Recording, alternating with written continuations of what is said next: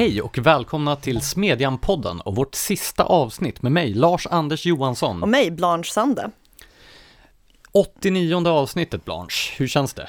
Det känns, det känns bra, det känns trist att det är det sista avsnittet och det skaver lite att vi faktiskt har snubblat lite på mållinjen eftersom vi ju släpper det här sista avsnittet en dag senare än vi brukar, när vi annars i nästan två år har hållit igång varje vecka året igenom, vilket jag är lite stolt över. Ja, det, det, har varit en resa, men det har varit väldigt kul. Vi kommer ju att återkomma i slutet av det här avsnittet med att försöka summera lite av höjdpunkterna i Smedjan och Smedjan-podden och så vidare. Men eh, först tänkte jag att vi kan ägna oss lite åt det gångna året. Det har ju varit eh, nyårsfirande alldeles nyligen. Hade du ett lyckat nyårsfirande? Riktigt lyckat. Vi körde 20-talstema eftersom vi, nej vi hoppas inte på en återupprepning av förra 20-talet, det hade sina mörka sidor trots allt. Men eh, man passar ju på när man kan ha såna här konstiga huvudbonader och cigarettmunstycken. Hur firade du själv? Jag firade i Paris, eller Paris som vi säger här på Smedjans redaktion. Nej, det gör vi inte eftersom det är pretentiöst och lite töntigt att uttala utländska namn på det utländska språket för att visa att man kan det. Så du säger Manchester om Manchester också? Givetvis, även Edinburgh om Edinburgh. ja. Eh, Säger du själv Köpenhamn? det där var dålig danska. Ja, det var, det var ja, riktigt dåligt. För en skåning också, jag borde skämmas. Ja, du borde skämmas.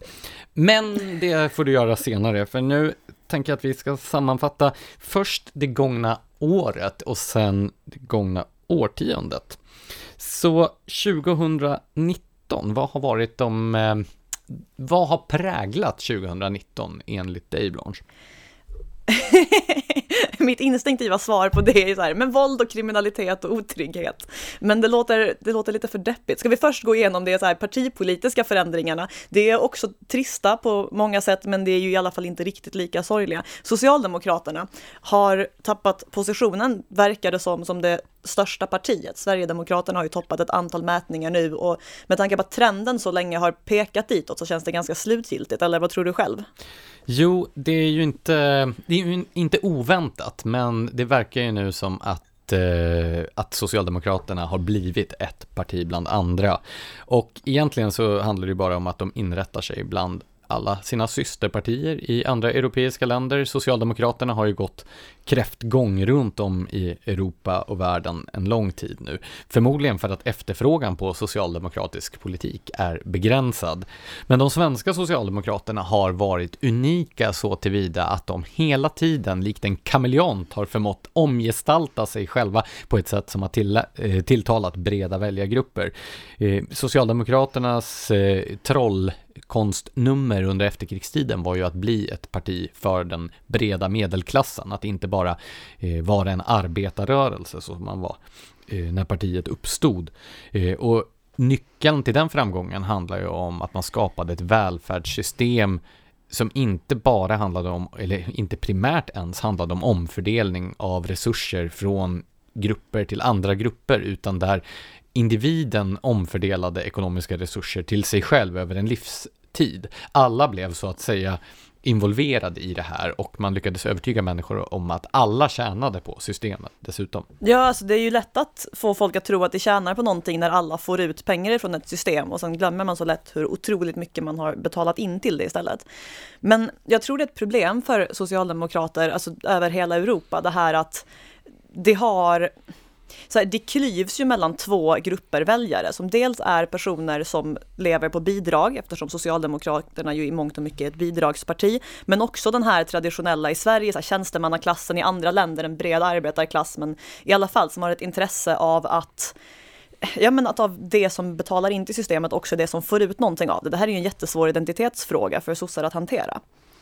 Ja, och eh, man har ju försatt sig i ett svårt dilemma också i och med att man gör sig allt mer beroende av grupper som lever i utanförskap, det vill säga de som är, i sin tur är beroende av de offentliga stödsystemen. Det här skrev jag om i en essä i början av året som heter Socialdemografin. Bra rubrik. Jo, jag är faktiskt ganska nöjd med mm. den, den, rubriken faktiskt. Eh, där då jag visar på de här sambanden, hur Socialdemokraterna har gått från att vara ett parti för arbetarklassen till att vara ett parti för medelklassen till att bli ett parti för de som inte arbetar och då framförallt människor då som lever i utanförskap och hur det här beroendeförhållandet blir allt mer ömsesidigt, det vill säga partiet blir beroende av att upprätthålla den här politiken som skapar eh, som skapar lojalitet hos de som i sin tur är beroende av de offentliga systemen. Och det säger ju sig självt att ett eh, politiskt parti som driver en linje som handlar om att fördela resurser från en grupp till en annan kommer att vara mindre tilltalande för de människorna som befinner sig på frånsidan. Och det här har ju gjort att man då har förlorat den breda medelklassen som tidigare var själva basen i väljarstödet. Men vet du vad som är tur för Socialdemokraterna i sammanhanget? Det behöver ju inte ha väljarstöd så länge det har stöd från alla möjliga andra partier och med det menar jag då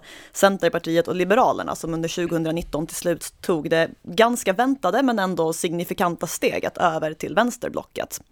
Var det inte någon gång i Smedjan-podden då vi konstaterade att eh, om man ska göra liksom en förutsägelse om, sven, om svensk borgerlighet så ska man alltid utgå från att de kommer att fatta det mest kontraproduktiva beslutet. Jo, alltså just det här beslutet kan man ju inte skylla Moderaterna och Kristdemokraterna för i alla fall. Även om ju Centern och Låt Liberalerna... Låt mig påminna om decemberöverenskommelsen. Ja, men det var därför jag sa just det här, för att indikera att det finns andra problem.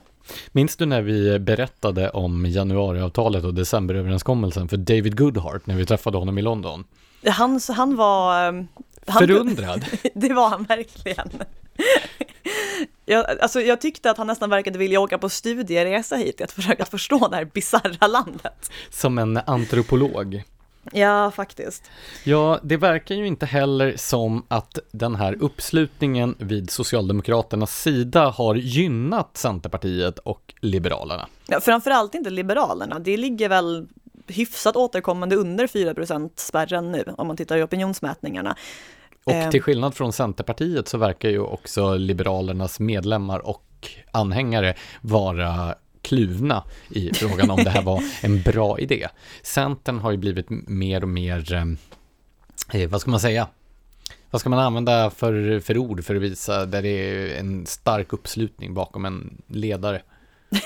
Fascism? Nej, det, det, där var lågt. Jag vet. Nej, men det, det verkar ju finnas en mycket mer enhetlig opinion inom Centerpartiet om att januariavtalet var en bra idé. Liberalerna verkar vara som vanligt uppdelade i ungefär lika många falanger som partiet har medlemmar. Minst. Eh, sen har ju då till konsekvens av bland annat det här avtalet men också ett antal andra politiskt politiska beslut som kanske det finns skäl att ifrågasätta på strategiska grunder. Förtroendet för samtliga partiledare rasat. Och eh, det, det är två partiledare som ligger i topp nu är, om jag förstår saken rätt, Jimmy Åkesson, Sverigedemokraterna och Ebba Busch Thor, Kristdemokraterna. Och båda de ligger 20 procentenheter lägre än vad till exempel Fredrik Reinfeldt hade som statsminister. Men alltså det här sjunkande förtroendet för det politiska etablissemanget vill jag trots allt föra upp på listan över positiva förändringar. Alltså Sverige har så länge, svenska väljare har så länge haft en ganska liksom, ja men ett smått så här naivt förtroende för att politiker i allmänhet så här vet vad de håller på med och vill folks bästa och så här och lite mer skepsis till deras eventuella framgångar och intentioner och så här kan faktiskt vara något rätt bra. En annan positiv trend under året är ju att konservatismbegreppet har kommit att rehabiliteras i den offentliga debatten. Det var inte så många år sedan då eh, ordet konservatism enbart användes som ett skällsord inom stora delar av borgerligheten också. En borgerlighet som även drog sig för att använda begreppet borgerlig. Det var en slags identitetskris som eh, var ganska beklämmande att se. Var det den här tiden då borgerlighet definierades i termer av kristallkronor och sjurätter som idag är? Precis, Erik Bengtsbo skrev ju en debattartikel på det temat om att det var dags för Moderaterna att släppa borgarstämpeln och då var ju just det han associerade till, till borgerlighetsbegreppet var kristallkronor och sjurättersmiddagar. Visst hade det varit gött om det bara kom automatiskt för att man började definiera sig som borgerlig? Du menar att man fick sju rättersmiddagar Precis, serverade? Jo, en det, kristallkrona. det låter ju krävande. Men ehm, det här hänger väl ihop också med den tidsanda som rådde. Du kanske minns när, när eh, de nya moderaterna hade slipsförbud och förbud mot pärlhalsband på sina partiföreträdare. Ja, alltså det där är ju, jag har ju kritiserat Moderaterna för att idag inte förstå symbolpolitik alls. Och även om det där ju är lite löjeväckande på många sätt så undrar jag om det inte var bättre på att fatta symbolik förr i tiden. Hur som helst så är det ju bra att den här nidbilden av konservatism börjar att rättas till. Sen är det väl kanske problematiskt för borgerligheten att det finns flera olika konkurrerande konservatismer. Sverigedemokraterna har till exempel mutat in en del av den här konservativa opinionen, vilket förmodligen beror på som i så många andra frågor där Sverigedemokraterna har mot, mutat in ett område, att Ingen annan brydde sig om att vara där. Precis. Och nu så kommer det ju vara en utmaning, som det heter, för de borgerliga partierna att hämta hem den här förlorade eh, förlorade marken. Men vi har i alla fall fått en offentlig diskussion om konservatism och konservativa i debatten och i de borgerliga partierna har kunnat göra sig hörda och faktiskt tas på allvar. Men det här får mig att tänka på, apropå det här jag nämnde om att våld och kriminalitet lite har präglat år 2019. Det finns ju det här gamla talesättet att den konservativa är en liberal som blivit rånad, eller hur det nu är. Jo, men det är ju en jätte... Eller en liberal, en konservativ som inte blivit rånad ännu. Nej men så här, det kan finnas ett element av att just trygghets och säkerhetsproblem och lag och ordning har hamnat så högt upp på agendan som har givit konservatismen en lite ökande popularitet. Fast man kan väl vara liberal och värna om sådana saker? Jag skulle ju snar... Jo, det kan man, men jag tror att det kan ha hjälpt konservatismen ändå. Varför då?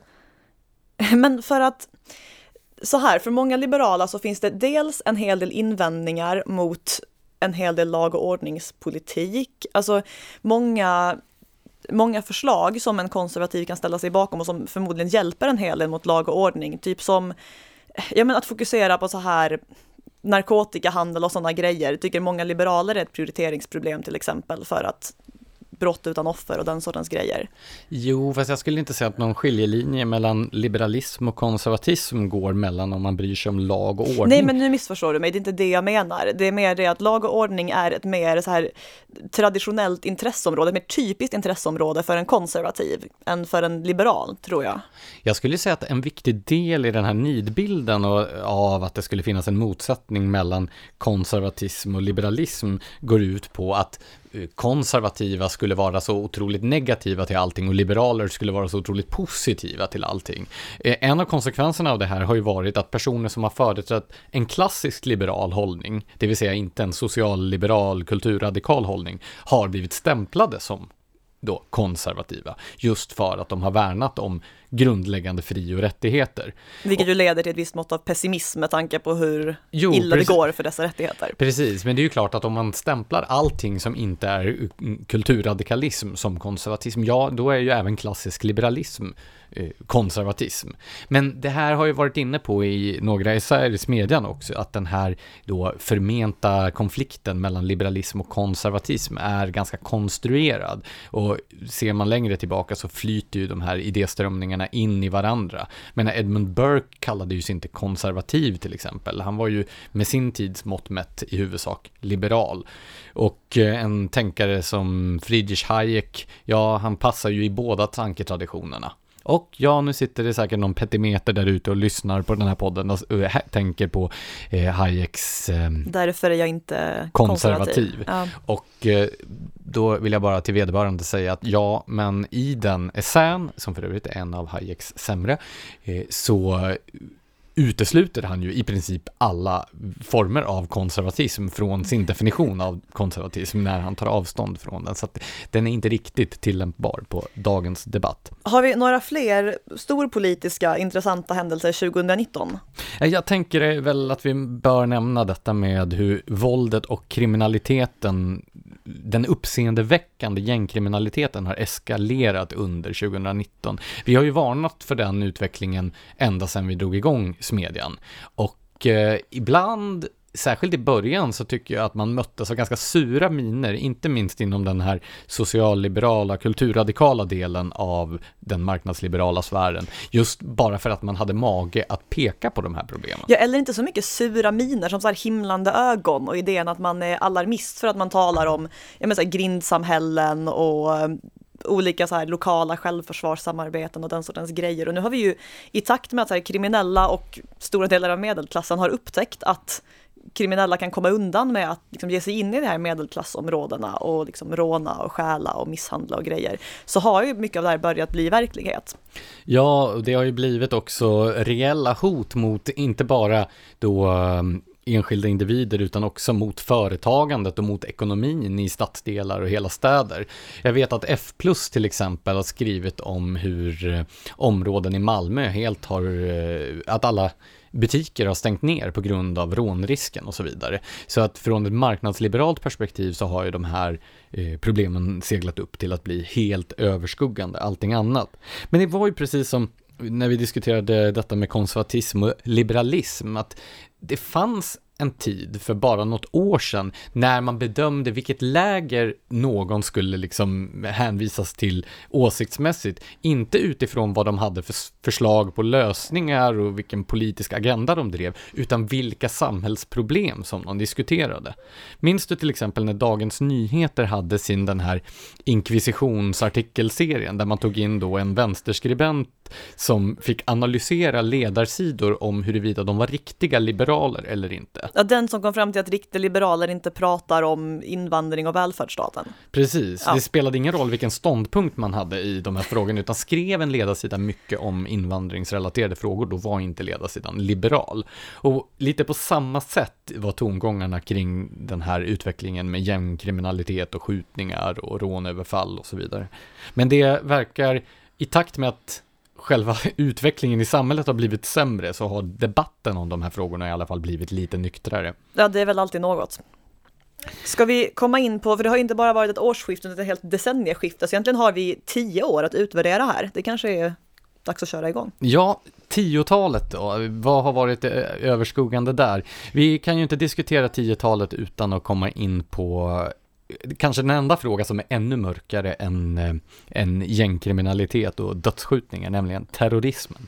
Ja, precis. Den har ju kommit att prägla, framförallt var det en period där 2015, 2016, 2017, då det var, alltså ett tag var det ju så många sådana här mindre terrordåd, typ knivhuggningar på tåg och grejer, att det kunde komma någon notis om dagen och man blev helt blasé nästan, hemskt nog. Men terrorismen har ju inte bara präglat 10-talet genom att det har varit många terrordåd, utan det har ju också fört upp annan politik på agendan, alltså partier som tidigare talade om personlig integritet och den sortens frågor är nu ganska repressiva. Så terrorism skapar ju alltid den här marknaden för, för repressiv politik och att ge mer och mer makt åt poliser och grejer. Jag vet inte hur länge Frankrike hade det här undantagstillståndet till exempel, och polisen kunde storma in i någon lägenhet i princip på on a hunch och ja, gräva ut den. Och den här tidsandan sitter ju kvar. Jag var ju som sagt i Paris nu över nyår och och eh, där patrullerades gatorna av beväpnade militärer. Det var inte riktigt lika intensivt som eh, under de gula västarnas härningar med kravallpoliser och så, men det var militärer utposterade nästan överallt.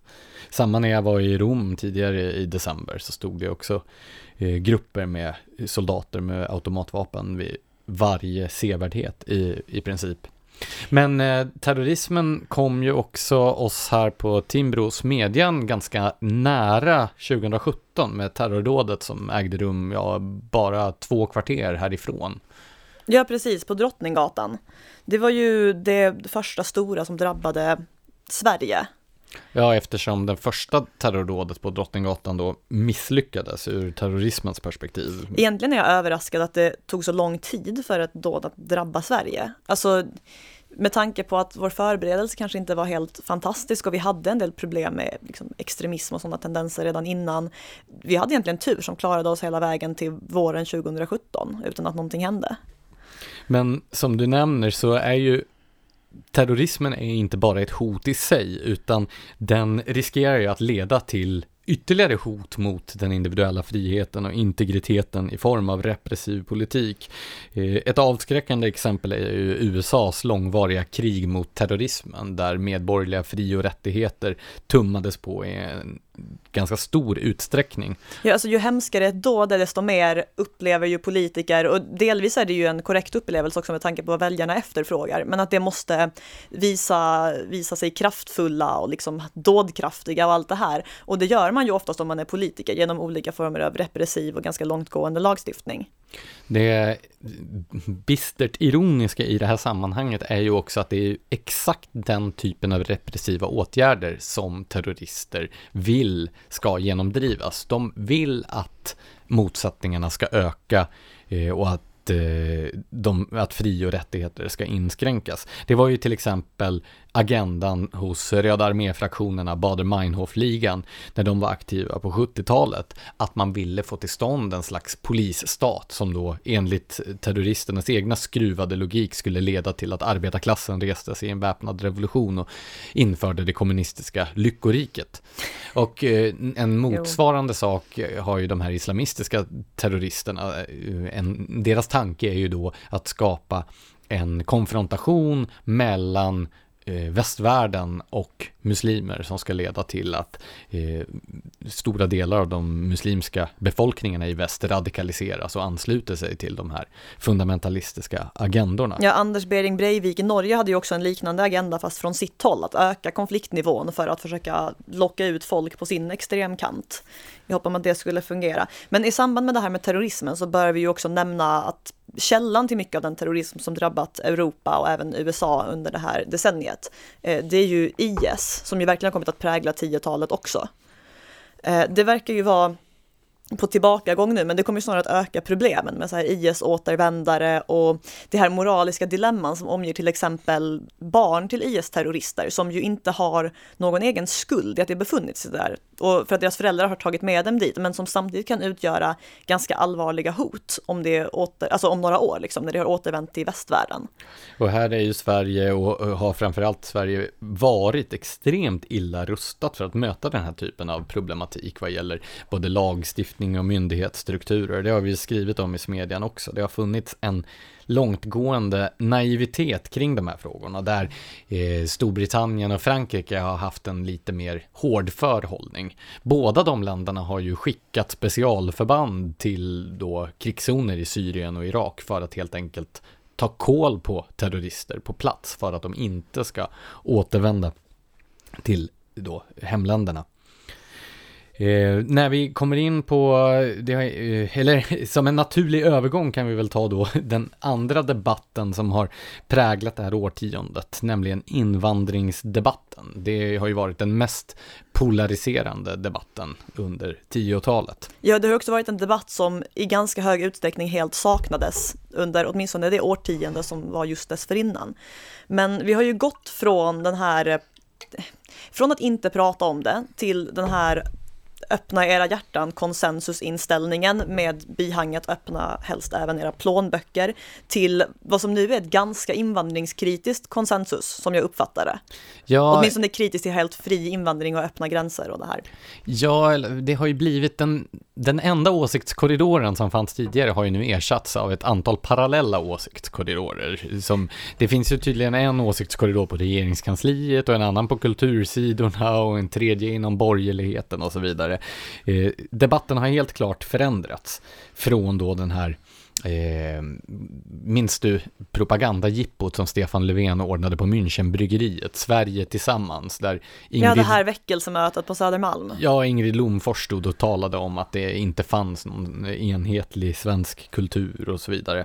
Precis, för att alla beståndsdelar har kommit någonstans utifrån och då kan det ju inte räknas. Eh, det gick väldigt fort med omsvängningen. Eh, det här skildrade ju Grotesco också i sin musikal. Som, Just det. Som Vad var, hette den? Eh, den hette... Um... Den var riktigt rolig. Jag kommer jag, inte på vad den hette. Den var alla, Men ja, bra gjort Grotesco. Ja, det som framförallt var imponerande var ju att alla sidor i debatten verkade tycka att det var en rolig gestaltning. Så att den, den verkar ha gått den verkar ha prickat rätt i alla fall. Eh, den här eh, diskussionen om invandringen har ju också skurit rakt igenom nästan alla politiska läger, även inom det frihetliga lägret och den libertarianska grupperingen, där principerna om fri rörlighet har ställts mot äganderätt och lett till ganska uppslitande konflikter. Ja, precis. Alltså den rätt stora invandringen vi har nu och faktum att det inte är helt lätt att liksom komma i arbete och hitta en bostad och sånt i ett land som Sverige om man kommer hit och kanske inte ens kan läsa för att inte tala om att man inte kan språket. Det har ju satt fokus på det här ja, men den här frågan, vem har rätt att kräva saker av den svenska staten? Det finns ju det som menar att här, den som har störst behov av någonting också förtjänar det mest. Och det är ju då förstås den som kommer från ett krigsdrabbat område, där är ju behovet av hjälp väldigt stort. Men sen finns det det andra lägret som menar att det är den som har bidragit till att bygga upp det här systemet och betalat in väldiga summor av sina pengar i hela sitt liv till det, som har ja, men störst rätt att ställa krav. Och den debatten fanns ju inte riktigt heller innan invandringen blev så stor, att det här kom upp på den politiska dagordningen. Ja, så det har ju också präglat 10-talet. Ja, precis. Eh, och den här konfliktlinjen är ju bara en av flera nya konfliktlinjer. Den gamla höger-vänster-skalan som ju vi har hävdat är i högsta grad aktuell fortfarande, har fått konkurrens från ett antal andra analysmodeller som delvis hänger ihop med invandringsfrågan, men det finns ju en större kulturell konflikt här som, som inte bara handlar om invandringsfrågan. Och då har det presenterats ett antal olika analysmodeller, mer eller mindre dåliga. Den, mer, den mest dåliga måste väl ändå vara Galtan-skalan?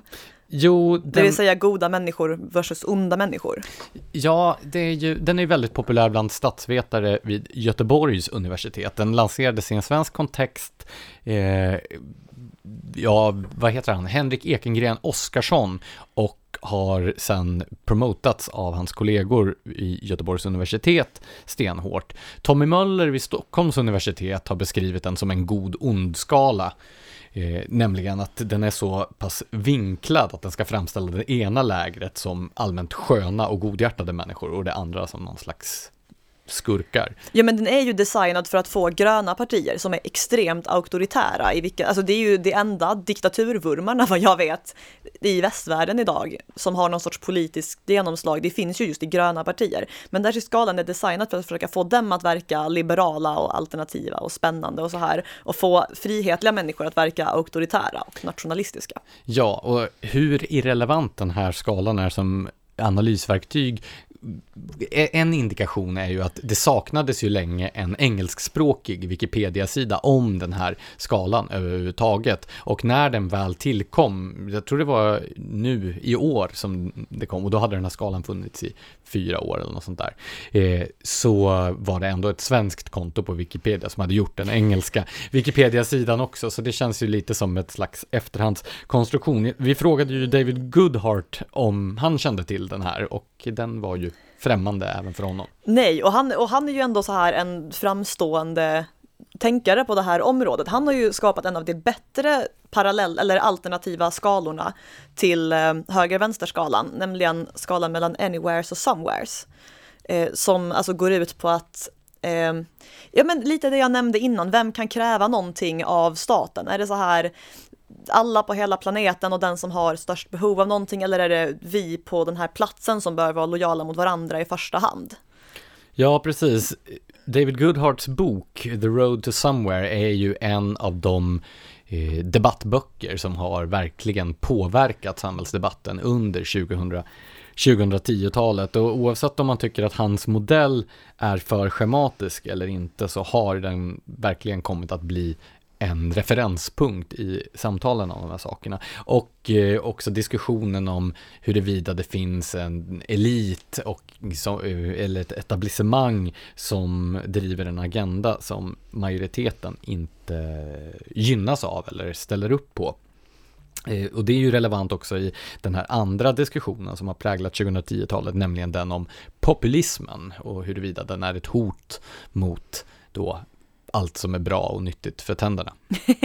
ja, Sen finns ju också den här, uh, the political compass kallas den väl helt enkelt, som sätter upp en sån här fyrfältare som statsvetare tycker så mycket om, där höger-vänster-skalan finns på den ena axeln och en skala mellan frihetliga och auktoritär på den andra. Ja, den är, är väl från en... 60-talet vill jag minnas. Och skulle jag personligen säga den minst dåliga av de här olika försöken att etablera en, en eh, kompletterande axel till höger-vänster-skalan. Samtidigt har jag ju sett den här helt värdelösa svenska versionen av det dyka upp rätt mycket i sociala medier under mellandagarna och kring nyåret. Den här som menar att höger-vänster-skalan kompletteras av en skala mellan kommunitarism och liberalism, där man till exempel blir mindre liberal för att man svarar ja på frågan om en Ehm, en stark militär är bättre än en bra diplomati för ens säkerhet. Som jag ser det är det en fråga om huruvida man är naiv eller inte. Men det menar då att det gör en till kommunitarist. Nej, precis. En intressant sak också under det här årtiondet är ju detta att vi har sett eh, mittenpopulismen skörda framgångar. Eh, Macrons eh, valseger i Frankrike var väl det tydligaste exemplet. En eh, mittenliberal rörelse som i stora drag uppvisar precis samma kännetecken som populistpartier. Ja, eller ännu mer populistisk är väl ändå anti-Brexit-rörelsen i Storbritannien som ju har fortsatt även efter att den förlorade folkomröstningen. Det är ju, alltså den är ju mer populistisk än de flesta extrempartier i liksom retoriken den väljer och angreppen på motståndare. Ja, fast den är inte lika populär. Nej, men det är väl rätt skönt det. Eh, annan typ av populism kom ju i form av den här identitetspolitiska retoriken som 2013 2013 slog igenom på bred front eh, i svensk offentlighet efter att ha legat och jäst under ytan ganska länge. Ja, alltså det var väl just 2010 som Rättviseförmedlingen började, som ju har varit den kanske mest engagerade och effektiva förespråkaren för den sortens ja, men, ofrihetliga antimeritokratiska idéer om att så här könstillhörighet och andra grupptillhörigheter ska gå före ens kompetens i arbetslivet till exempel.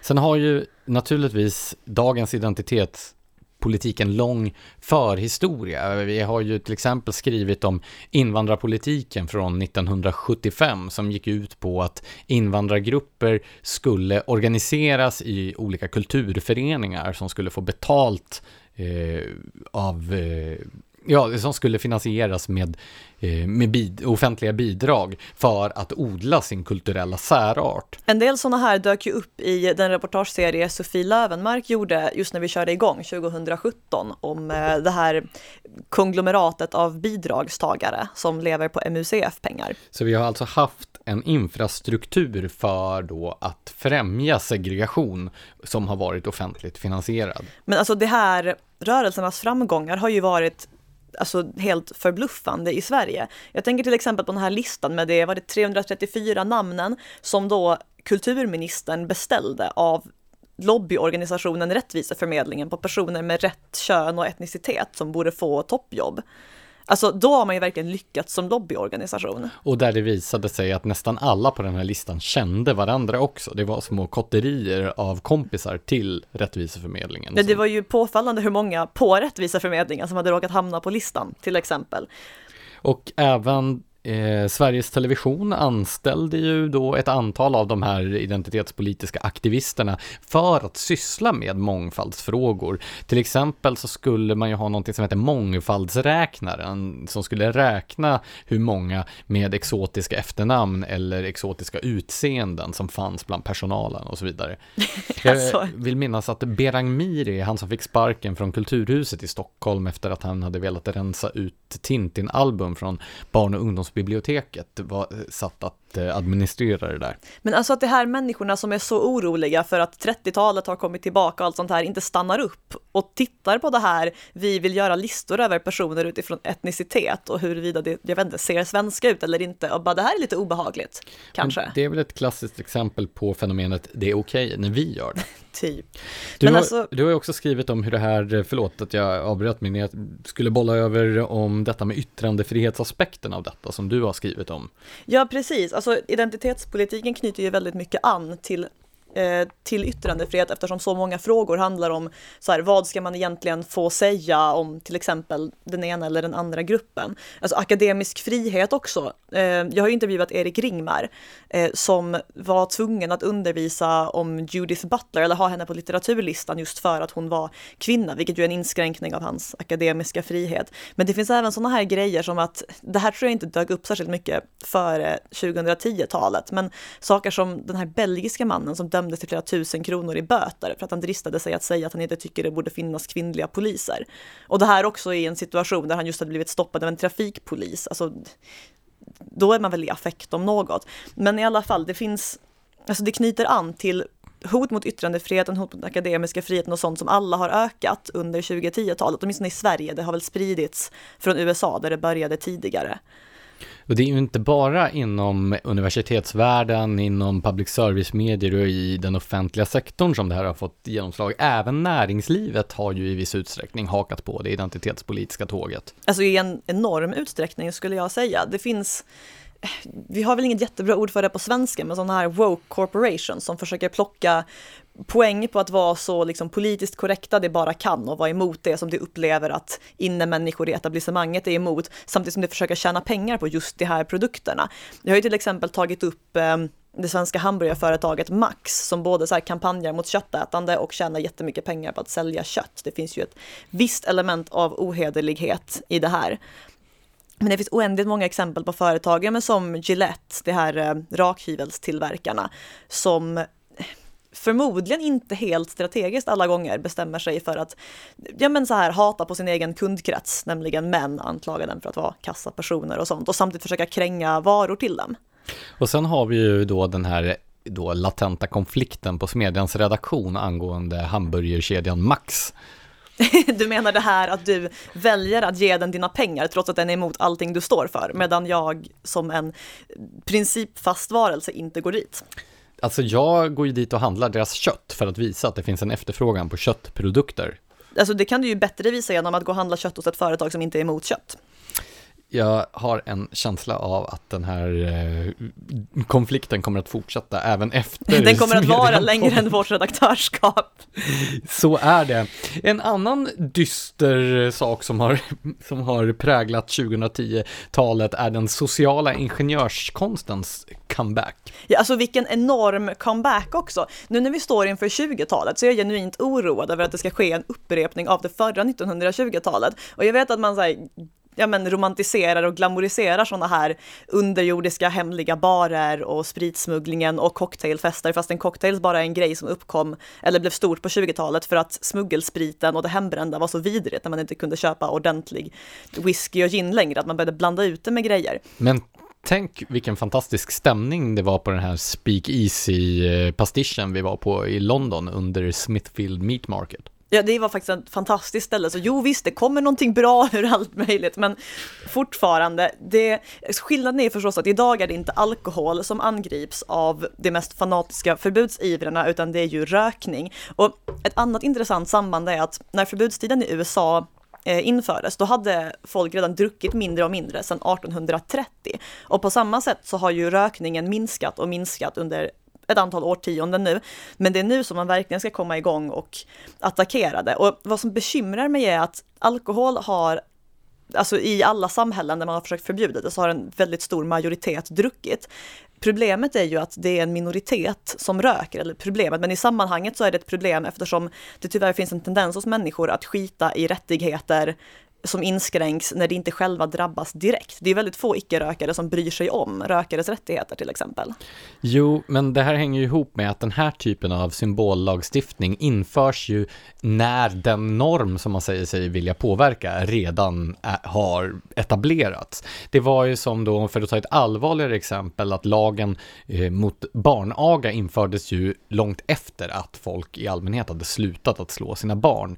Eh, och eh, inga andra jämförelser rörelser i övrigt. Men när då människor i huvudsak har slutat att röka, när rökning inte längre är norm i samhället, då är det ju väldigt lätt för politiker att genomdriva en sån lag och även då lätt för de föraktliga människor som tar sådana tillfällen i akt att ge sig på då den minoriteten som är kvar. Och nej, jag syftar inte på minoriteten som slår sina barn, de ska veta hut, utan den minoritet som sitter till exempel på uteserveringar och tar sig ett bloss.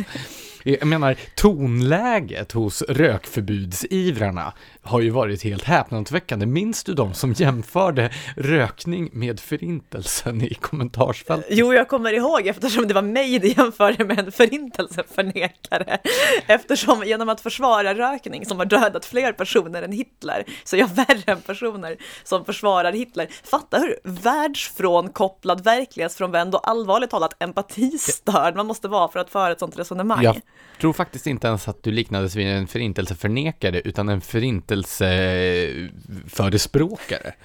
jo. Nej men alltså det, det, hela den debatten har saknat proportioner och det är ju just för att normen är att inte röka och då är det väldigt befriande för den, den eh, den kategori människor som tycker om att slå in öppna dörrar så är det otroligt tacksamt då att ge sig på rökare. Samtidigt är det ju inte bara rökning heller som dagens sociala ingenjörer är ute efter. Framförallt om man vidgar perspektivet lite och tittar på våra grannländer så har det mindre framgångsrikt eh, experimenterat med skatter på fett och socker böcker. Eh, I Storbritannien så har man förbjudit reklam i tunnelbanan för onyttig mat. Alltså allting som inte är en spenatsmoothie på spirulina i princip är ju föremål för attack från de sociala ingenjörerna som vill göra oss alla till, jag vet inte, någon sorts joggare. Ja, fy. jag menar det. Eh, och om man vill eh, förkovra sig ytterligare då i eh, frågor som rör den här sociala ingenjörskonsten så vill jag rekommendera Nils Johan Kärnlunds artiklar, till exempel de om hur staten med, på sitt lömska sätt förstörde den svenska bryggeri och ölhallskulturen. Ja, och, och den här om nykterhetsspioner, när man hade så här nämnder som folk anmälde sina grannar till för att de tyckte det drack för mycket. Det här fanns kvar in på 70-talet. Jo, men det är ju ungefär som nu då, där myndigheterna vill att man då ska spionera på om folk röker på uteserveringar för att ange eh, krogägare. Ja, men det är ju det där som är så jävligt, för hade det bara handlat om, så här, hade den som rökte själv burit ansvaret för det här enligt lagstiftningen, då hade det varit en sak, då hade jag fan satt mig och rökt på alla uteserveringar jag kunde se i ren protest. Men nu så sker ju en sorts kollektiv bestraffning där den som drabbas inte är den som gör det. Vilket ju är så här extra jävligt av dem. Eh, och även eh, Edvard Bloms avsnitt i Smedjan-podden var ju väldigt... Eh... Det var ett fantastiskt avsnitt. Vilka känslor, starka känslor emot det här. Vi varnar känsliga lyssnare. Oh, ja. Eh, men den här nya sociala ingenjörskonsten, den handlar ju inte bara om inskränkningar på njutningens område vad gäller alkohol och tobak, utan det handlar ju om hela livsstilen som ska läggas till rätta detta, att den typ av liv som människor vill leva ska försvåras. Vi har till exempel då trafikdebatten, infrastrukturdebatten, som jag har skrivit mycket om. Fast där... hallå, det är ju en given konflikt mellan det njutningsfulla, det vill säga att åka bil, och det förskräckliga, att vara inlåst i en buss med en massa människor. Ja, fast inte, man åker inte bara bil för njutningens skull, även om det visst kan vara njutbart, om än inte i Daniel Heldens Stockholm. Men mm det är ju också, alltså det finns ju många rationella skäl till varför bilen är ett bra transportmedel, allra helst när den blir eh, renare och eh, säkrare och eh, för mindre oväsen och allting sånt där. Alla de här argumenten som bilmotståndarna har framfört över tid har ju fallit och nu så står vi ju inför en situation med förnyelsebara drivmedel, med elbilar och så vidare. Och vad gör politiken då? Jo, försöker att bygga bort vägarna där framtidens säkra miljövänliga bilar ska köra. Ja, men det är samma sak med flyg, man försöker liksom lägga ner så många flygplatser som möjligt fastän flyget håller på att bli renare och bättre. Ja, och en annan sån här sak, det handlar ju då om det finns entydiga mätningar på hur människor vill bo villaboendet eller småhusboendet är den boendeform som flest efterfrågar. Men vad är det för typ av bostadsområden som planeras för? Vad är det för ehm, Eh, vad är det för eh, boendeformer som gynnas? Jo, det är hyresrätter som den minsta gruppen, eller som, vad säger man, färst Färskt. Färskt människor efterfrågar och eh, Eh, lägenheter. Allra märkligast är ju hur Moderaterna har tagit ställning i de här frågorna. Alltså moderatkommuner som har blivit moderatkommuner just för att de har så stora villaområden håller på och bygger bort sitt eget väljarstöd genom att då planera för eh, områden som liknar, ja, egentligen miljonprogrammets mest misslyckade stadsdelar. Ja, och grejen är också att de nybyggda lägenheterna, det här är en tangent, jag vet, men de nybyggda lägenheterna är ju också alltid så här värdelöst planlagda och designade och uselt disponerade och alltså ingen vill ju bo där egentligen och det som vill det lurar sig själva. Ja, och sen så eh, har man ju inte ens dragit lärdom av de positiva sakerna som trots allt fanns hos miljonprogrammet. Så man håller på och bygger tätt och alldeles för eh, lika små lägenheter och så vidare, vilket kommer att leda till att det blir alldeles för hög omsättning på de som bor i de här stadsdelarna, vilket man vet leder till förslumning och så vidare. Men nu känns det som att vi är på väg långt bort från ja, det... 2010-talet. Eh, innan vi eh, lämnar 2010-talet så kanske vi också ska orda lite om det förändrade medielandskapet. Ja, det angår ju oss i, eh, i en viss grad. I, i en viss grad, vi, det är ju vi som är det Det är förändrade. vi som är det nya medielandskapet. Och vi har kommit för att hämta Ja, nej men alltså, eh, förr på 00-talet när jag var liten, då hade man ju den här, då hade man ju den här blogosfären. Du är ju så lillgammal så jag glömmer bort hur ung du är. Vänta, är det inte när man är lillgammal som man verkar som yngst? Okej, vi, vi lämnar det här. Bloggosfären, som alltså jag kommer ihåg trots min på den tiden ringa ålder, eh, har alltså ersatts av sociala medier, framförallt Facebook och Twitter, vilket ju först tolkades som att man hade avskaffat så kallade, och nej, vad är det svenska ordet? Gatekeepers. Um, grindvakter. Grindvakter, tack. Man hade avskaffat Eh, grindvakterna som bestämde vad som fick publiceras i tidningar och vad som kom i tryck och därmed vilka åsikter som spreds. Men i själva verket är ju det som skett att vi har nya grindvakter, det vill säga woke corporations i Silicon Valley.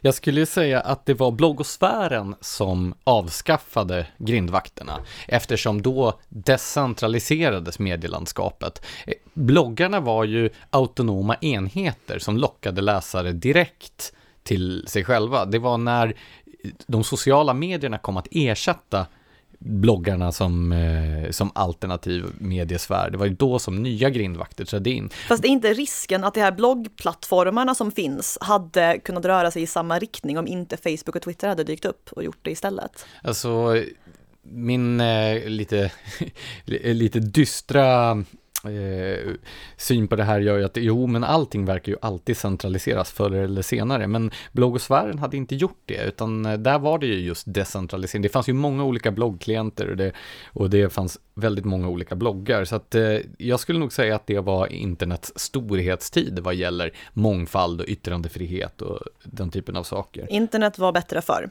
En intressant sak var ju också att när eh, när eh, de sociala medierna började ta över bloggosfärens roll då som, eh, ja, som alternativ till den traditionella mediesfären så började då framträdande företrädare för traditionella medier att efterfråga att just Facebook och Twitter och andra sociala medieleverantörer skulle gå in och inskränka yttrandefriheten. Vi kunde alltså läsa kulturredaktörer som ville att privata amerikanska företag skulle gå in och styra och ställa om vilka åsikter som svenskar fick uttrycka på sociala medier. Ja, och alltså de sociala medierna har ju också styrt och ställt en del i vilka åsikter som får uttryckas alltså, eftersom man kan bli avlägsnad från sociala medieplattformar och bannlyst därifrån om man ger uttryck för alltför impopulära åsikter. Eller alltså om man jobbar på Google räcker det ju att tycka att alla skillnader i så här könsrepresentation inte behöver bero på diskriminering för att man ska få sparken. Det finns ju en del av våra marknadsliberala kamrater som tycker att det är inget problem att Facebook ägnar sig åt den här typen av saker eller andra eh, sociala sociala mediejättar eftersom det är privata företag och privata företag får göra som de vill. På temat It's okay when we do it. ja, men eh, då har man ju inte förstått den här skillnaden mellan det, ja, det vi brukar kalla för pro-market pro eller pro-business. Alltså ett monopol eller oligopol på det sätt som råder på den sociala mediemarknaden leder ju till samma typ av problematik som eh, när det offentliga har monopol. Så att ett fåtal eller kanske till och med ett enskilt privat företag kontrollerar hela det offentliga samtalet är ett problem också från ett marknadsliberalt perspektiv. Eh, en mer positiv utveckling är väl ändå att eh, de etablerade medierna har fått konkurrens från ett antal nättidskrifter av varierande kvalitet. Ja, alltså högt upp på den här listan över kvaliteten så finns ju Smedjan till exempel. Ja, men även då eh, andra publikationer som till exempel Kvartal och den engelskspråkiga Killet och Spiked i Storbritannien som vi har besökt är ju exempel på att det definitivt går att göra kvalitetsjournalistik i det nya medielandskapet också. Eh, sen har det ju kommit nya finansieringsmodeller också där både webbtidningar och enskilda skribenter och opinionsbildare kan ta betalt direkt från sina läsare och lyssnare. Ah, den så kallade Swish-prostitutionen. Ja, och det här har varit intressant att följa just hur de traditionella medierna och deras företrädare har agerat gentemot då den här nya gruppen av journalister. Eh, det har ju varit eh, ganska plumpa påhopp mot då skribenter som har fått sin försörjning via Swish. Sveriges Radio har ju till exempel inte riktigt bländat vad gäller stilfullhet i det här avseendet. Nej, det är ju spännande hur många som är anställda av liksom, stora etablerade medier har sin försörjning på det trygga som sitter och ser ner på dem som har sin inkomst på ett annat vis. Men det är ju då en kamp både om marknadsandelar givetvis, men kanske framför allt om det beryktade problemformuleringsprivilegiet. De mediala kontinentalplattorna är i rörelse och eh, det är många som har väldigt mycket att förlora på de här förändringarna. Så det kan väl förklara det höga tonläget kan jag tänka. Sant. Men nu Eh, så har vi ju också avrundat decenniet genom att lämna Smedjan eftersom vi båda slutar nu.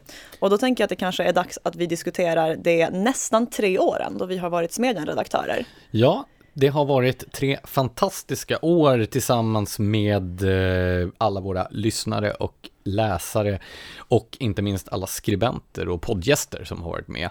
Eh, jag tänkte att vi kanske kan börja med att prata om eh, några av våra intervjupersoner och poddgäster och kanske vilka, om det är några rubriker som har fastnat i minnet. Vad, har du någon favoritrubrik från de här åren?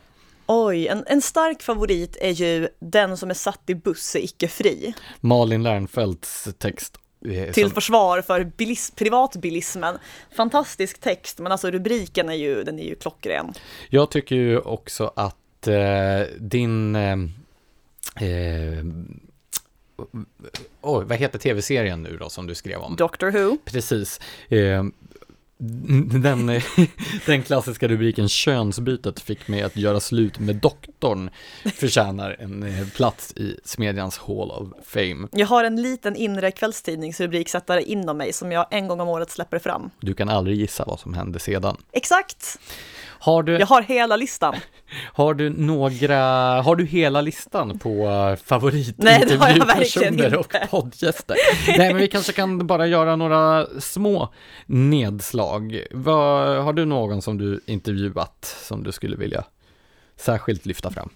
Alltså, jag tyckte det var väldigt kul att intervjua Claire Fox. Det gjorde jag då när hon ledde den brittiska, tankesme äh, brittiska tankesmedjan eh, Institute of Ideas.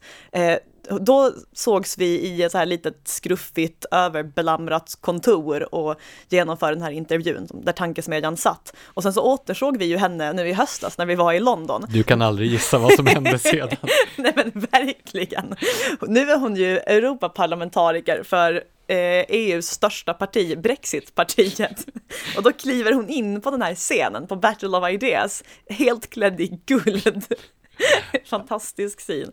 Men det var en väldigt bra intervju. Vi snackade om så här identitetspolitik, politik, yttrandefrihet, offerkoftor. Hon är ju ganska provokativ på ett fantastiskt sätt. Det var en riktigt kul intervju att göra. Ja, du intervjuade ju fler i den där ligan av eh, konträra britter. Kan du inte nämna några till av dem? Jo, precis. Det, alltså, det finns ju ett gäng av det här det började som så här revolutionära vänstermänniskor, och det menar det ju fortfarande att det är, men jag upplever dem som betydligt mer meningsfränder än stora delar av borgerligheten i många frågor, eh, som kretsar kring det här Institute of Ideas, men även nättidningen Spiked. Eh, och jag intervjuade faktiskt deras eh, dels deras redaktör, eller dess redaktör Brendan O'Neill. Eh, jag tror jag satte rubriken “Den mest hatade mannen på brittiska campus” eller så, eftersom det var en titel han hade fått. Och det som hamnade näst högst upp när jag googlade honom. Det är också en bra rubrik. Ja, men den är, den är rätt schysst. Eh, och eh, Joanna Williams som har skrivit i Spike en del och som eh, slutade vid, alltså, Alltså hon, hon, lämnade akademin för att kunna skriva en bok om feminism eftersom hon upplevde att hon inte kunde vara kritisk mot den eh, inom akademin. Sorgligt nog. Vad har du själv gjort för intervjuer du varit nöjd med? Eh, några som fastnar i minnet, dels då Anders Lundvall. Eh, en svensk prepper. Precis. Honom som, vi fick ta avstånd från typ fyra, fem gånger i podden. På grund av det grovkorniga språkbruket.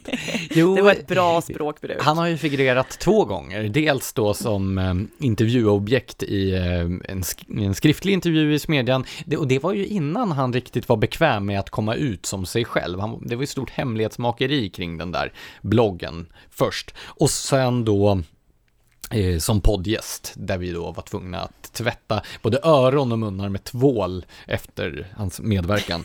Så många avståndstaganden har vi aldrig behövt göra, varken före eller efter. Men det var ett fantastiskt rolig och matnyttig intervju om krisberedskap. Jag har ju, jag börjar ju inse nu att alla mina favoritintervjuer har jag genomfört i London. Coincidence? I think not. En riktigt bra var när jag intervjuade Christopher Snowden, man bakom The Nanny State Index, eh, om barnvaktstaten och när den kommer att gå så långt att människor till slut får nog av den. Då dök jag upp på eh, eh, Institute of Economic Affairs, tankesmedjan i London där han sitter och han dyker upp och är lite så stressad och frågade vad vi egentligen skulle prata om nu igen, varpå jag sa folkhälsopolitik. Och då skiner han upp och bara “the pub it is then”. Det var en fin intervju att genomföra, även om det var väldigt mycket pubbakgrundsljud i den här eh, inspelningen jag försökte transkribera. I, I sammanhanget ska vi väl då nämna också den här intervjun vi gjorde med David Goodhart när han sen då följde med oss ut på puben efter intervjun. Just det, och tvångsmatade oss med Guinness. Ja. Gott var det. Jo, Guinness är, är gott. Det är en bra öl. En minnesvärd resa som jag gjorde var ju upp till eh, Haparanda i januari, varför jag nu gjorde den då absolut sämsta tiden på året, eller bästa beroende på om man gillar när det är 20 minusgrader, eh, för att intervjua sångaren och låtskrivaren i industrimetalbandet Raubtir, nämligen Per Hulkoff. Ja, det var en riktigt bra intervju. Ja, det var, jag är nöjd med resultatet, men det var också en intressant resa att göra. Bara för att dröja kvar lite grann vid den där kylan. Jag minns när jag promenerade uppe i Haparanda där på dagen och tänkte så här, det här är ju inte så kallt. Och sen vände jag mig om och gick mot vinden, varpå ah. hela skägget frös. Var det inte då du också fick så här resa i typ 24 timmar via Finland och så här massa timmar i bil? Det var ju världens strapats. Jo, det var ju för att eh, mitt flyg från Arlanda till Helsingfors var försenat så att jag missade mitt anslutningsflyg och så fick jag vänta i Helsingfors varvid jag sen fick ta något annat flyg som skulle mellanlanda ett antal gånger innan jag kom upp till Kemi och där då eh, jag var tvungen att ta en hyrbil för att komma över till den svenska sidan igen. The things you do for Smedjan. Ja, men det var, det var fantastiskt och eh, Per Hulkoff eh, sa många klokskaper angående både individuell frihet och den här konflikten mellan stad och landsbygd som vi har försökt belysa i, i Smedjan vid ett antal tillfällen.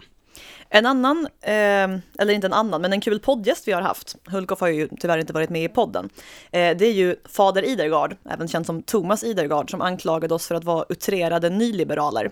Ja, Thomas Idergard har ju gjort resan från utrerad nyliberal, muffordförande och eh, timbroman till jesuitmunk och präst i katolska kyrkan. Och inte längre så nyliberal.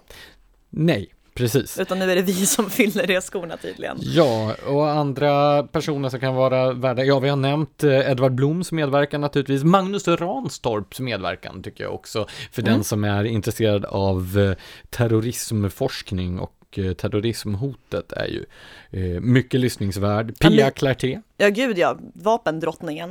Eh, även Amir Sariaslan, som forskar om genetik och kriminalitet bland annat, har både intervjuats av mig och varit med i podden. Bra avsnitt. Störst biceps. Definitivt störst biceps någonsin i podden. Eh, så där har vi i alla fall ett litet axplock. Om det är någon av våra tidigare poddgäster eller intervjupersoner som vi inte har nämnt här så hoppas vi att ni inte blir sårade. Det här var ett, ett eh, spontant urval från åren. Men naturligtvis så uppmanar vi nya lyssnare att eh, gå tillbaka och lyssna på alla våra gästavsnitt. Och alla våra avsnitt utan gäster också givetvis. Men vi har ju under de här tre åren haft eh, en strategi på Smedjan där vi har valt ut ett antal eh, mer eller mindre abstrakta fokusområden där vi har försökt lyfta olika frågeställningar och eh, jag menar, hitta intressanta intervjuobjekt och lyfta aktuella debatter och sådana saker. Jag tänker att vi går igenom dem och utvärderar våra framgångar. Urvalet har ju då varit eh, vad upplever vi att det är för relevanta debatter där det saknas ett frihetligt perspektiv och där då våra kollegor på Timbro inte har drivit ett eget projektområde. Jag menar, eh, vi har ju till exempel på Timbro ett eh, arbetsmarknadspolitiskt projekt ett välfärdspolitiskt projekt och vi har en chefsekonom som arbetar med skattepolitiska frågor och därför så har vi fokuserat på områden som kompletterar de här fokusområdena som redan finns. Ja, sen har det väl också varit lite personligt intresse som har styrt valet av frågor också. Alltså inget gör mig argare än angrepp på individuell autonomi till exempel. Det, men det första och mest uppenbara har vi kallat för äganderätt och företagande. Hur har det utvecklats under året? Eller under åren. ja, precis. Det är ju, alltså, vi körde ju igång den 8 mars eh, 2017 eh, och insåg sen i efterhand att det var internationella kvinnodagen som vi sedan dess har jobbat på att överskugga ordentligt. Eh, men i alla fall, äganderätt och företagande, det har väl inte gått jättebra. Alltså, det är ju alltid dåligt för äganderätten när man har en vänsterregering. Jo, absolut. Skattepolitiken är ju naturligtvis dålig för äganderätten och företagandet, men otryggheten, som vi har diskuterat tidigare i podden också, är ju naturligtvis kanske det enskilt största hotet. Jag menar, om man hela tiden måste frukta för att bli rånad och berövad sin egendom så har man ju naturligtvis fått sin äganderätt inskränkt. Precis, och det är inte bara staten som rånar och berövar folk sin egendom. Och sen finns ju då den här kvoteringslagstiftningen kvoteringslagstiftningen som du har argumenterat emot angående förslaget om att eh, lagstifta om att man ska ha en viss könssammansättning i börsbolagens styrelser. Ja, så äganderätt handlar inte bara om att man är den som på pappret äger någonting och inte blir liksom ifråntagen sin egendom eller sitt företag eller vad det är, utan det handlar ju också om vad man får göra med egendomen. Det dyker ju också upp i så här frågan om äganderätt och skog. Så här, äger man verkligen skogen om lagen hindrar en från att avverka den? På samma sätt så här, har du verkligen äganderätt över ditt företag om du inte ens får bestämma själv över vem som ska sitta i styrelsen? Jag skulle hävda att man inte har det. Och det är en fråga som ibland glöms bort i borgerligheten, tycker jag, när man snackar om äganderätt. En annan eh, potentiell front mot äganderätten har ju då eh, uppstått i och med den här växande tillväxtfientliga delen av miljörörelsen i, i spåren av klimatdebatten. Och ofta handlar det ju om personer då som alltid har drivit en agenda mot tillväxt, marknadsekonomi, äganderätt. Och nu har du hittat en ny ursäkt för det. Ja, Göran Greider har ju kommit fram till att socialism och planekonomi är enda svaret på klimathotet hotet. Den precis, såg man inte komma. precis som det har varit svaret på alla andra problem tidigare. Ja, det här är ju mannen som tycker att man ska införa sockerskatt för att han inte vill behöva banta själv. Ja, och eh, personer som tidigare har förespråkat diktatur, till exempel då den gamle kommunisten Torbjörn Tännsjö, som av någon anledning sitter med i alla etiska råd som finns, eh, har nu kommit fram till att man måste införa diktatur för klimatets skull. Väldigt etiskt. Så um, det här har blivit ett slagträ som personer kan använda för att rasta sina gamla käpphästar. Nej, vilken dålig metaforföring, man använder inte ett slagträ för att rasta en käpphäst. Stackars käpphäst. ja, men jag tror att själva budskapet gick fram i alla jo, fall. Jo, jag hoppas det. Nej, men det finns ju någon sorts sån här instinkt att så fort så här, vissa miljövänner, eller vad man ska kalla dem, så fort det ser någonting liksom utvecklas eller så här växa till sig eller öka eller så, så får det panik för att det tänker sig att det är dåligt för klimatet och det liksom vad man egentligen behöver är någon sorts stenålders livsstil. Och då blir det ju liksom fientliga till all form av ekonomisk utveckling. Jag sitter fortfarande här och skäms över min metafor. Jag också, men jag försöker att inte låtsas om det. Sekundärskam är jobbig. Nästa fokusområde har vi kallat för förvaltningskrisen och handlar om hur den offentliga sektorn eh, har då utmanats dels av skenande kostnader, dels av eh, strukturella problem och dels då av en slags eh, eh aktivism och och eh, agendasättande tjänstemän på olika nivåer som hotar förtroendet för ja, för myndigheterna och deras utövning. Mm, hur, hur säger du att den krisen har utvecklats sedan vi började med Smedjan? Ja, vi har ju haft några områden som vi har fokuserat på särskilt mycket, till exempel då Polismyndighetens, eller snarare enskilda tjänstemän på Polismyndighetens aktivistiska hållning visavi eh, vapenlicenser eh, och eh, hur det här då har delvis sammanfallit också med regeringens tilltagande eh, vapenfientliga agenda gentemot jägare och sportskyttar och så vidare.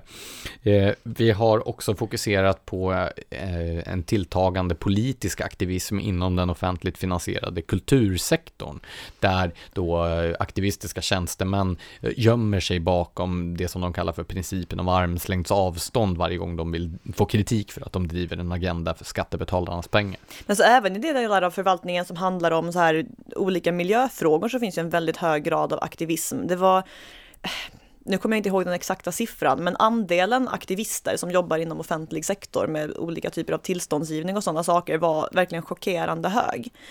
Men alltså, Ja. Vi minns ju till exempel regeringens skogsutredare Charlotta Riberdal som fick sparken efter att hon hade stått i Almedalen och ifrågasatt om vi verkligen skulle tillåta privat ägande av skog i Sverige. Ja, med det här bizarra tillägget också, ska vi verkligen tillåta äganderätt av en så viktig resurs som skog? ja, det är väl just för att den är viktig som, alltså, det blir ju viktigare att ha privat äganderätt av, äganderätt av någonting som är värdefullt. Bara kolla på liksom hur miljön klarade sig i Sovjetunionen eller klarar sig i Kina. Det är rätt bra med privat äganderätt för den.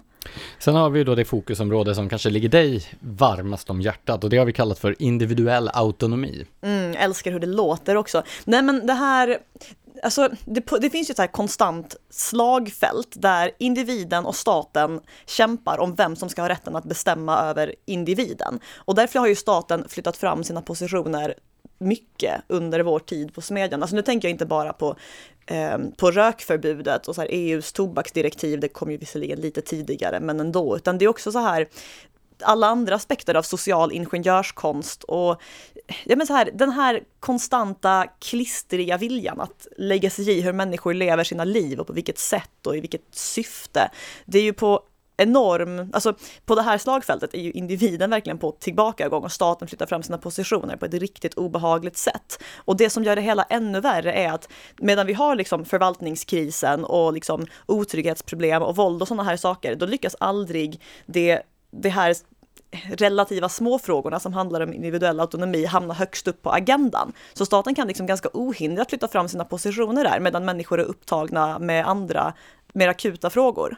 Ja, och sen så kommer ju alltid det här konstiga motargumentet att när staten vill förbjuda någonting och man motsätter sig det förbudet så kommer anhängarna av förbudet och bara hur kan ni tycka att det här är en viktig fråga? Här, varför sitter ni och bråkar om rökförbud på uteserveringar? Ja, för att ni vill införa det. Precis, om det då inte är en viktig fråga, vilket anhängarna då ger sken av att tycka, varför bryr de sig om? Ger fan i att lagstifta i den i så fall. Precis. Ursäkta franskan. Ja, eh, jag har ju berört eh, den individuella autonomin i ett antal eh, artiklar om individuell krisberedskap, där jag då har intervjuat preppers till exempel. Ja, det är väl den enda punkten där det rör sig i rätt riktning. På tal om, så här, det är inte bara det politiska etablissemanget folk tappar förtroende för, utan även då den offentliga förvaltningens förmåga att lösa deras problem om en kris skulle uppstå.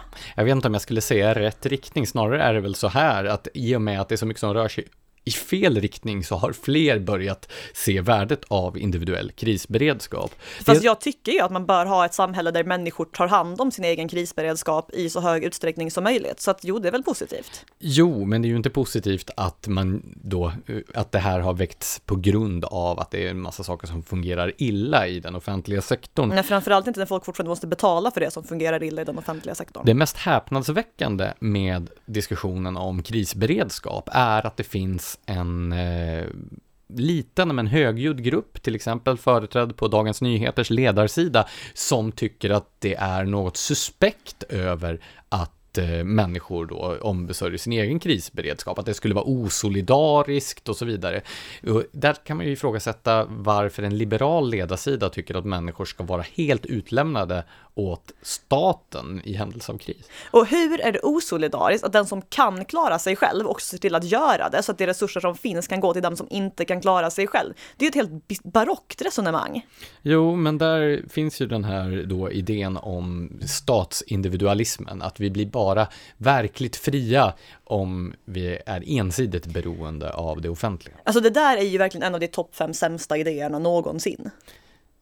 Ja, jag ska inte gå in på att fråga dig. Jag har hela listan. du kan aldrig gissa vad som hände sedan. Men okej, okay, ett annat område som vi har, kanske framförallt du har fokuserat på är ju bildning och humaniora. Ja, precis. Det är ju en eh, debatt som jag har fört även innan Smedjan, eh, den nya Smedjan såg dagens ljus 2017. Bland annat då eh, resulterade mitt arbete i de här frågorna i antologin Varken bildning eller piano som kom 2015. Och anledningen till att jag engagerade mig där var ju att det humanistiska bildningsidealet och humaniora var ganska illa sett, inte minst inom borgerligheten.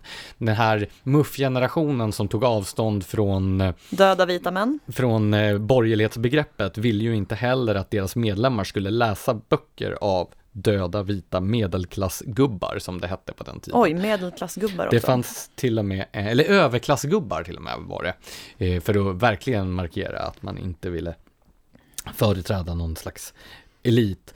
Eh, så det har funnits en bildningsfientlighet inom borgerligheten som har varit verkligen bekymmersam, men som jag upplevde fick, en, det var en vändpunkt för några år sedan.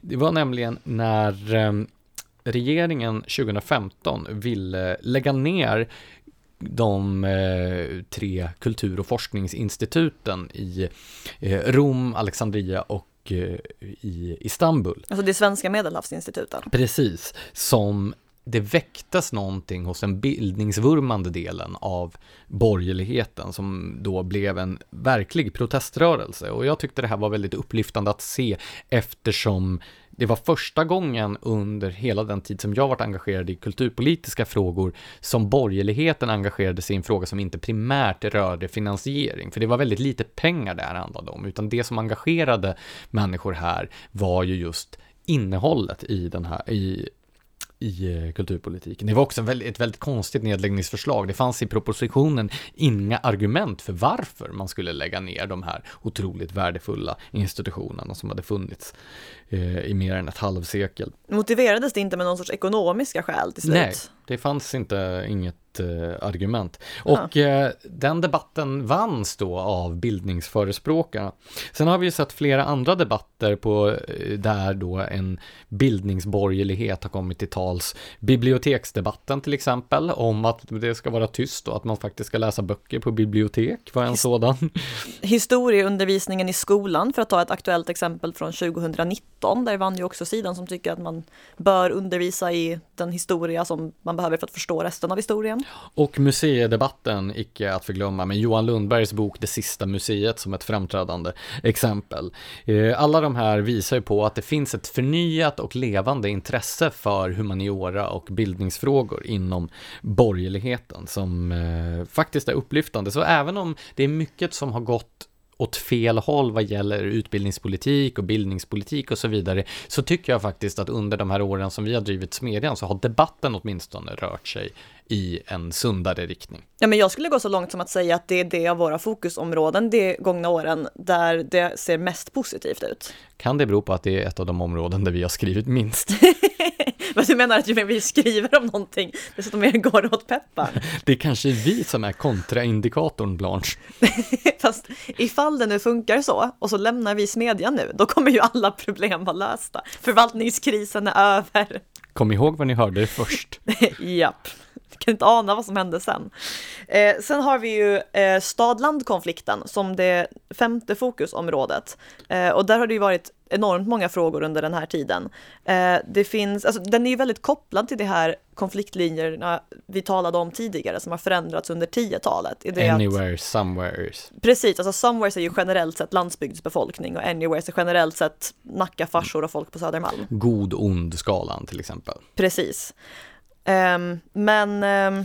Jo, nej men där, där har det ju varit Eh, ett antal eh, då eh, sakpolitiska konflikter och symbolpolitiska konflikter där generellt sett den marknadsliberala rörelsen har varit ganska dåliga på att fånga upp den här opinionen. Eh, konkret exempel är väl då eh, de gula västarna i Frankrike som då hela etablissemanget, eller om man ska kalla det för, hade väldigt svårt att förhålla sig till. Och det är ju för att det var en ledarlös rörelse med en ganska oklar ideologisk hemvist. Det började ju med en protest mot bränsleskatterna och blev sedan en allmän protest mot vad man uppfattade var en slags överhets Eh, politik. Och i Sverige fick det här en motsvarighet i det så kallade bensinupproret. Som ju inte har mötts med mindre nedlåtande attityd än de gula västarna i Frankrike från det politiska etablissemanget. Nej, där har det ju funnits en eh, viss ovilja från personer på eh, både den borgerliga kanten och på vänstersidan att eh, att ta i de frågorna. Eh, mest nedlåtande var förmodligen Eh, Dagens Nyheters dåvarande politiska chefredaktör Per Svensson när han tyckte att eh, det var löjligt av de här människorna på landsbygden att uppröras över bensinpriset eftersom en liter bensin inte kostade mer än en halv kaffelatte i Stockholms innerstad. Alltså jag tycker ändå att han överträffas, även om det är en stark tvåa, av um, Malin Volin heter hon väl på Aftonbladet som skrev att hon skrattar åt de här männen som bor på landet och det minns ingen rättighet att bo på landet. Men det är ju en rättighet att liksom inte hindras aktivt från att bo på landet av till exempel bensinskatten. Men eh, alltså, en grej som jag tror bidrar till att borgerligheten har lite svårt för stad-land-konflikten, det är ju att den hänger väldigt mycket samman med förvaltningskrisen. Alltså det är ju ett problem på stora delar av landsbygden att man, eh, man har liksom inte poliser, man har inte alltså tillgång till vård, olika typer av offentlig förvaltning drar sig tillbaka på ett sätt som, alltså visst, delar av den, delar av det kan ju vara positivt, att man lever lite friare på landsbygden, men delar av det är också problematiskt. Och det är svårt för borgerligheten eftersom det blir en resursfråga och man instinktivt inte är helt för alltid att ge ökade resurser till saker. Fast framförallt är det ju en centraliseringsfråga. Om man jämför med till exempel hur situationen ser ut i Norge där man inte genomdrev de här stora kommunsammanslagningarna som vi har sett i Sverige så är eh, landsbygden mycket starkare i förhållande till storstadsregionerna regionerna. Eh, så, och den här stad-land-konflikten handlar ju inte bara om en konflikt mellan landsorten och storstadsområdena i Sverige, utan det handlar ju också om konflikter mellan centralorterna i regioner och eh, och län eh, jämfört med det omgivande landet. När man slog samman eh, små kommuner till större så började också resurserna i allt större utsträckning att Eh, centraliseras till centralorten. Och vi kan ju också konstatera att vård, skola och omsorg kostar inte mindre idag efter centraliseringen än vad den gjorde då. Och Nej. många av de här små samhällena som förlorade skolor, vårdcentraler och så vidare i och med sammanslagningarna, de har ju samma befolkningsunderlag som de hade när man byggde skolan och vårdcentralen och så vidare. Så centraliseringen har ju blivit ett självändamål för de politiska makthavarna och kan inte motiveras med kostnadsargument. Nej, det brukar ju försöka försöka motivera det med så här effektivisering, men så himla effektivt har det ju verkligen inte varit. Nej, det finns ju den här idén om att storskalighet alltid är effektivare, men eh, det vet vi ju av erfarenhet att det inte är. Och här tror jag ju då att eh, alla somewheres där ute har en stor utmaning då att eh, ta tag i. Det är sant. Vi har ett sista ämne vi har fokuserat på under tiden sedan vi startade och det kallar vi, vi har ju försökt att undvika att kalla saker för anti det ena och det andra, så istället för att kalla det identitetspolitik så kallar vi det meritokrati och individualism, det vill säga de positiva alternativen till den här sunkiga rörelsen.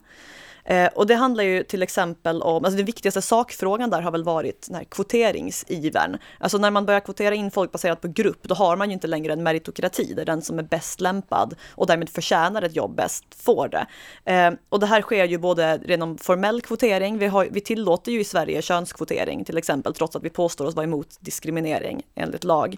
Eh, men även så här informell kvotering där man väljer bort, där man väljer ja, men man väljer bort vita män i princip för att det inte ser lika bra ut i olika etablissemangs ögon att anställa dem. Alltså jämför reaktionerna på om en man får ett jobb jämfört med en kvinna kontrollerat för andra faktorer. Ja, och det här speglar ju en, en människosyn som är djupt problematisk och i grund och botten så är det ett synsätt som omöjliggör förutsättningarna för, ja men både ett demokratiskt styrelseskick, för en rättsstat, för en fungerande marknadsekonomi. Alla de saker som vi säger oss eh, stå upp för i eh, västerländska demokratier omöjliggörs om man har en människosyn där människor definieras utifrån medfödda egenskaper och anses företrädas av andra med samma medfödda egenskaper istället för att själva välja sina företrädare, att själva forma sin identitet och sin tillvaro. Och det som är viktigt att komma ihåg i det här sammanhanget, det är ju också att så här